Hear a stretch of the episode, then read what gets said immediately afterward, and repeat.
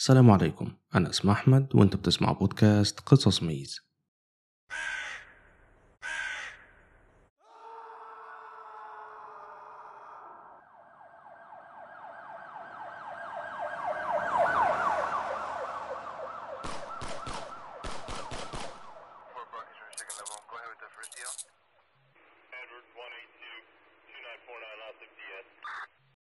أهلا بيكم في الحلقة رقم 17 من الموسم الجديد من قصص ميز. حلقة النهاردة فيها أحداث عنيفة ومأساوية. واسم الحلقة قاتل ميلبورن. ومن غير ما أطول عليكم يلا بينا نبدأ. جوليان نايت اتولد في مدينة ميلبورن في أستراليا في يوم 4 مارس سنة 1968 وكان أول ثلاث أطفال والده كان مدرب عسكري وكان بيدرس اللغة الإنجليزية والرياضيات واللغة الصينية للجنود. جوليان في طفولته كان نادرا ما بيكون في مكان واحد لفترة طويلة وده لأن والديه دايما كانوا بيتنقلوا كتير في خلال سنواته الأولى. وفي الفترة دي عاش في أستراليا وفي ماليزيا وفي هونج كونج وسنغافورة. وبيقال إنه كان شخص سعيد جدا في طفولته ووفقا لجوليان نفسه فكان عنده علاقة ممتعة مع والديه وهو صغير ولكنه كان دايما أقرب لوالدته وكان بيحترم والده وعنده علاقة كويسة مع أشقائه الأصغر منه. وبدأ جوليان في سن مبكرة جدا يظهر اهتمام كبير بكل حاجة متعلقة بالجيش وهي الحاجة اللي ما كانتش مفاجأة للناس اللي حواليه لأنه كان واضح عليه دايما إعجابه بوالده. ومجرد اهتمامه بالجيش جوليان مضيعش وقت كتير عشان ينضم ليهم. وفي سنة 1980 ولما كان عنده 12 سنة بس انضم للقوات المسلحة. ولكن في نفس السنة دي حصلت مشكلة عائلية كبيرة في بيت جوليان. والديه انفصلوا. وعلى الرغم من أن الأطفال غالبا بيظهروا الحزن والعواطف السلبية في الحالات دي إلا أن جوليان ما كانش بيعمل كده. في الحقيقة قرر الشاب إنه يظهر للناس إنه ما تأثرش بالطلاق. وبدأ يتصرف وكأنه كان متوقع إن الطلاق ده هيحصل وإنه مش مهتم. ولكن غالبا ده كله كان تمثيل. لأنه في سنة 1986 وصلت الأخبار للصحافة إنه ما كانش قادر يشوف والديه وهما بيتفرقوا وإنه كان دايما في حالة حزن وبكاء. وبعد كده لما جوليان اتكلم مع الأطباء النفسيين عن انفصال والديه قال إن الموضوع خلاه حزين جدا لأنه كان متوقع إنهم على الأقل هياخدوا رأيه قبل ما يعملوا القرار ده. وفي سنة 1982 انتقلت والدة جوليان وأشقائه لمنزل جديد في شارع رامسدن.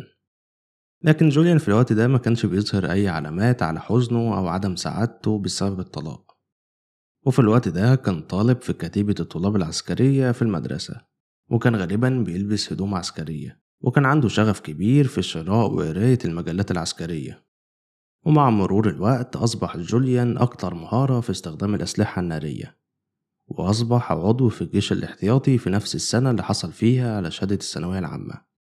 بعد كده شارك في دورة للمهاجمين في الجيش الاحتياطي لمدة أسبوعين في مدينة بوكابونيال وهناك اتلقى تدريب على استخدام 11 سلاح مختلف بدءا من مسدس بعيار 9 ملي لرشاش بعيار 50 ملي وعلى حسب كلام دان ماك أرثر وهو واحد من أفراد الجيش الاحتياطيين وهو بيتكلم عن تجربته في التدريب. كان بيقول إنه الطبيعي للجنود بعد التدريبات يتخيلوا إن هما ماشيين في الشارع ومعاهم البندقية بتاعتهم وحاسين بالقوة والسيطرة.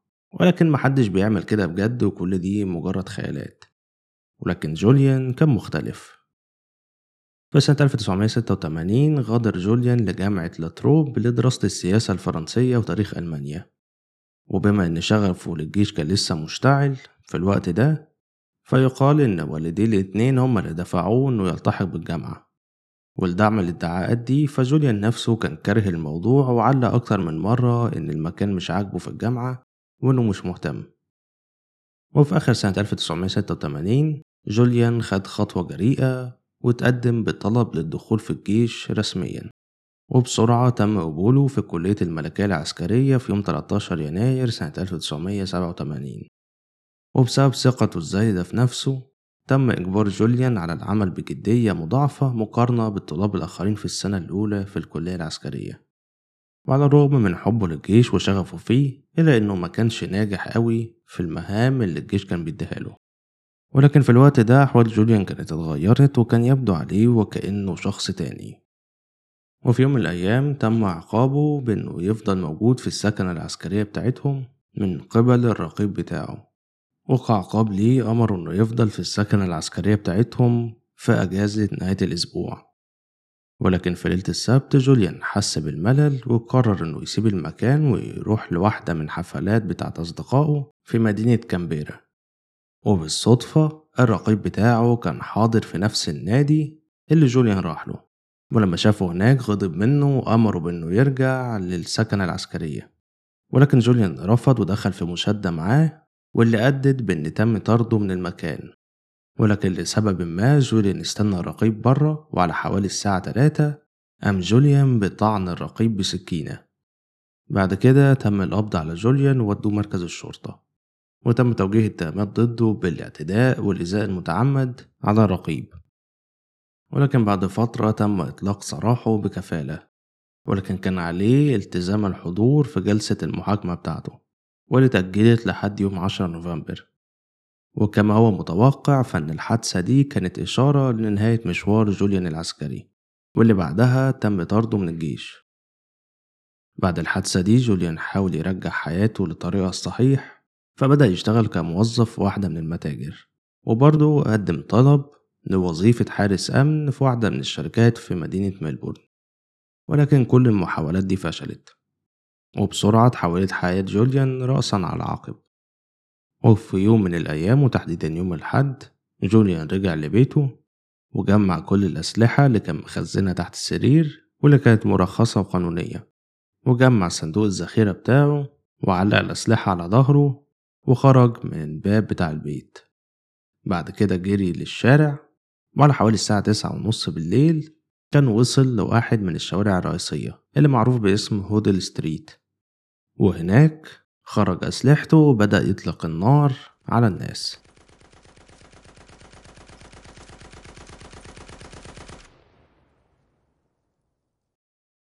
جوليان قتل سبع أشخاص وأصاب 19 واحد بجروح خطيرة. ومن ضمن المصابين كان ضابطين للشرطة. وبعد 40 دقيقة كانت نفذت الذخيرة اللي معاه وقرر الهروب. ولكنه تم القبض عليه واعتقاله في مدينة فيتزروي.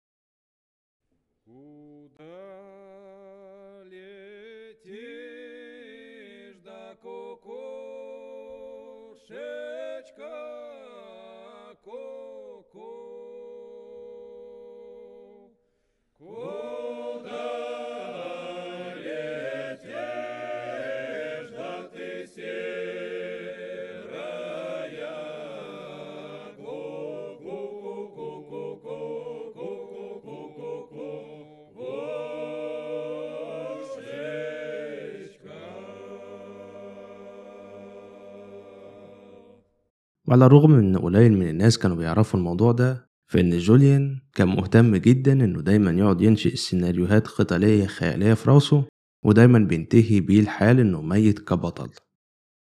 ووفقا للدكتور كينيث بيرن وهو أخصائي نفسي فإن دايما جوليان كان عنده أحلام لليقظة وهو بيحارب فيها في المعركة كبطل عشان يحمي شركته أو كان بيحارب ضد أعداء بيفوقوه العدد. وده الشعور اللي كان بيقدم له كتير من الرضا عن نفسه. جوليان ما كانش بيشوف البشر حواليه كأنهم أشخاص عندهم لحم ودم بل كأدوات بيستخدمها في خيالاته. وعلى حسب كلام الأطباء فإن جوليان كان متأثر بالثقافة الأمريكية للقتلة المتسلسلين واللي كانت بدأت تنتشر في أستراليا في الوقت ده. وبعد ما تم القبض على جوليان واللي كان عنده 19 سنة حاول يبرر أفعاله بإنه قال إن الجيش علمني القتل وإنه لو في ظروف تانية كان الجيش اداني ميدالية. وبعد الجرائم البشعة اللي ارتكبها جوليان ما كانش بيظهر أي ندم على ضحاياه ولا كان عنده أي شفقة تجاه أي حد. وتم إدانة جوليان بسبع أحكام للسجن المؤبد متتالية. ودي كانت واحدة من أكتر مجازر أستراليا دموية. وتم تصنيفه كمجرم شاب بموجب القانون الفيكتوري لأن عمره كان ما بين 18 و 21 سنة. ولأن المدينة اللي كان فيها ما كانتش بتفرض حكم السجن المؤبد فتم تخفيف الحكم عليه لمدة 27 سنة بس. مجموعة من الناس كانوا راضيين على العقوبة اللي تم تطبيقها عليه ولكن مجموعة تانية كانوا بيقولوا إنه بيستحق عقوبة الإعدام.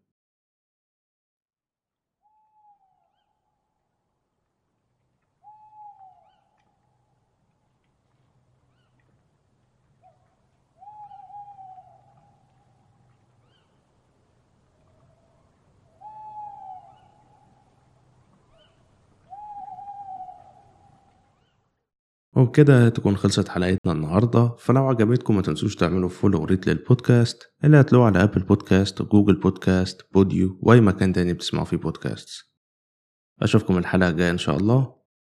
سلام.